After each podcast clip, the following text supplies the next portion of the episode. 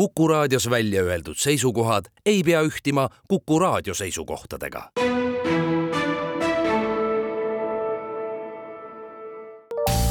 terviseks. saade valmib koostöös Ida-Tallinna Keskhaiglaga. vaata ka itk.ee tere, head Kuku kuulajad, eetris on saade Terviseks, mina olen Ingela Virkus ja ma olen tulnud Ida-Tallinna Keskhaiglasse külla haigla juhatuse liikmele ja õendusjuhile Kätlin Pallole, et näha, milline on ühe õendusjuhi igapäevatöö ja millised on õdede erinevad tööülesanded. et seda kõike paremini näha, käime me erinevates Ida-Tallinna Keskhaigla kliinikutes ja osakondades jätkame kirurgia kliinikus meie erakorralise meditsiinikeskusega, kus võtab meid vastu äh, keskuse õendusjuht Irina Makarova. Irina, milline on äh, erakorralises meditsiinis äh, õe töö? Ühesõnaga väga raske nagu vastata, kuna õde, kes töötab EMO-s, on mitmekülgne professionaal. Meil on tegemist mitte üheprofiilse patsiendiga, vaid mitmeprofiilsega ja ühes tunnis nad on ka erinevad ja saabub ka neid ähm, gruppidega vahest. Ja siis õde peakski olema see, kes oskab kohe välistada, kellega on kõige kiirem, kes saab oodata, kellega lihtsalt tuleb rääkida ja võib-olla suunata perearsti juurde ja see on niisugune oskus, universaalne oskus, mida ta peaks omandama siin juba ja siis rakendama mitte ainult võib-olla töölisi keelus tuleb kasuks ma ei saa öelda, et siin on rutiin, see iga päev minu jaoks nagu eh, mingi erinevus kindlasti juhtub ja, ja mõni päev on väga-väga tore, mõni on väga pingeline, et mis peab olema ühel õel või milline peab olema üks õde, kes tuleb erakorralisse meditsiini tööle? Mina vastaks, et see peaks olema õde, kes tahab õetööd teha. et kes on päriselt tahab õena töötada ja võib-olla nad ei oskagi ise ennast kohe nagu hinnata, kas see keskkond nendele sobilik või mitte. aga töö käigus see selgub ja tavaliselt, kes siia jäävad, siis nad ongi emokad, nagu me räägime, et kellel meeldibki, et kiirus suur nagu niisugune võimsus ja võimelisus otsustada. ja tõesti, kui käib elustamine näiteks ja see õnnestub, siis on kõikidel väga hea meel, et seda ei saa nagu hinnata ega mingit reeglid järgi panna, et kuidas siis peaks olema, et kui on tehtud ja tehtud hästi, siis on kõikidel nagu ma ei oska öelda, et südames on ka päris suur-suur niisugune hea tunne. EMO on hea koht, kui tuleb siia näiteks ähm, inimene, kes õpib alles arstiks või õeks. et meil on osa arste, kes juba arstid, kunagi on töötanud, alustanud abilisena, äh, siis töötanud abiõena ja nüüd nad on juba abiarstid ja arstid. nüüd jõudsime sisekliinikusse endokrinoloogia keskuse juurde ja meid võtab vastu Jaanika Lutsep, keskuse õendusjuht kes töötab ka ise eriõena. tere, Jaanika, ma küsingi kohe, et mis see tähendab, et te töötate ka eriõena? Et sellest aastast, kui me siiamaani tegime diabeediõdedena vastuvõttele, siis sellest aastast siis äh, alustasime koostööprojekti Tervisekassaga. ja selle seonduvalt siis äh, saime sellises pilootprojektis endale ajutiselt selle eriõe tiitli, millega seoses on meil siis mõningad võib-olla lisavõimalused, mida me saame oma vastuvõttudel rakendada.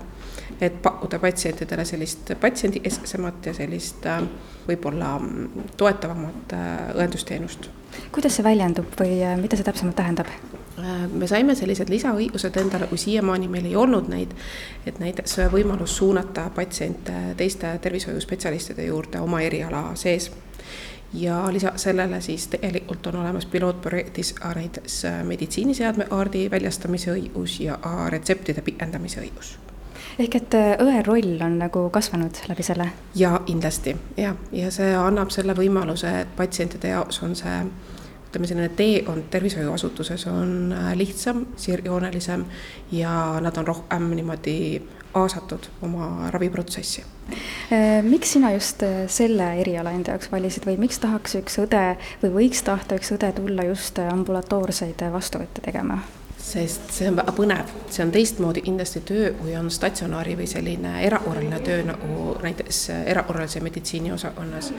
aga samas, kui me lähme tagasi sinna just nende vastuvõttude juurde ja iseseisva õe õe vastuvõtu juurde, nagu mina teen näiteks diabeediõe vastuvõtte, siis äh, see pakub seda võimalust, et sa saad vahetult tõesti tagasisidet patsiendi käest ja, ja sa näed seda patsiendi raviprotsessi käigus ja sa näed neid ravitulemusi vahetult.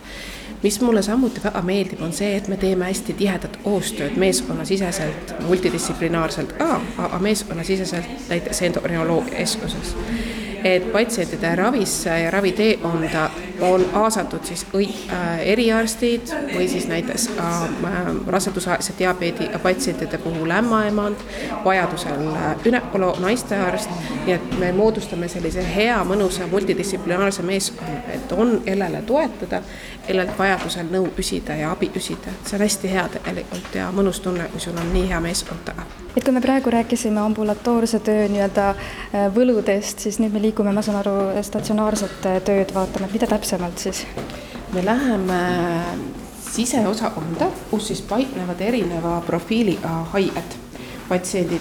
Ees siis on meil pulmonoloogia, endokrinoloogia ja sisepatsiendid ja meie siis ütleme, endokrinoloogilisi haigeid on seal pinna peal suhteliselt vähe aga me saame siis seda nüüd osakonda natukene lähemalt vaadata, et milline see välja näeb, ütleme nii kuivõrd erinevad äh, peamiselt siis omavahel ambulatoorne töö ja statsionaarne töö? statsionaarses töös kindlasti on märkimisväärselt rohkem sellist ähm, erakorralisust, et kui ambulatoorselt äh, me iga patsiendiga töötame personaalselt äh,, teeme talle ise tema individuaalse, ütleme sellise raviplaani ja lähtume tema enda vajadustest, probleemidest ja selle patsiendi nõustamine on hästi tähtsal kohal ja väga mahukas diabeediõdedena, see töö, mis me teeme siis äh, statsionaaris, on see võib-olla natukene, see tegevus on rohkem selline ütleme, ravi või protseduurid, uuringud ja nii edasi, et patsient ka viibib seal lühemat aega ja näiteks sellise patsiendi nõustamise osa pealt me jõuame seal teha ainult esmase sellise nõustamise, et ta saaks endale vajalikud teadmised kodus toimetulekuks aga üldiselt sellest ei piisa, et äh, ta vajab jätkuvalt nõustamist pärast hiljem ja, ja siis näiteks kui me räägime diabeetikutest, siis enamasti nad pärast hiljem pöörduvad meie juurde ambulatoorsetele vastuvõttudele. Eh, me oleme jõudnud äh, sisekliinikusse, teise sisehaiguste osakonda ja kõige enam õdesid äh, tegelikult töötabki meil statsionaarsetes osakondades Äh, enamik meie statsionaarseid osakondi ähm, tähendab seda, et siin on nii tavavoodikohad kui ka tei-, esimese, teise astme intensiivravi voodikohad. et me enne käisime kolmandas intensiivravi astmes, mida me siis kutsusime anesteesia intensiivravi osakond, aga aga ka statsionaarsetes osakondades on meil siis äh, raskemat, keerulisematele patsientidele äh, selline monitoridega varustatud palat milline peab olema üks õde, kes äh, siin äh, korrusel siis tööd teeb? kuna profiile on osakonnas mitu, siis kindlasti peavad olema väga head laialdased äh, teadmised ja oskused. ja kindlasti nõuab siin natukene see harjumine ja selle patsientide ähm,, patsientidega töötamine ja nendega töötama õppimine nõuab aega ja väljaõpet. et see on selline pikaajalisem protsess, kui on nii laia profiiliga osakond. samas on see väga hea koht tööelu alustamiseks ka noorel algajal õel, sest need käelised oskused ja see kogemus, mis sa saad, et see on väga suureks kasuks edasises töös.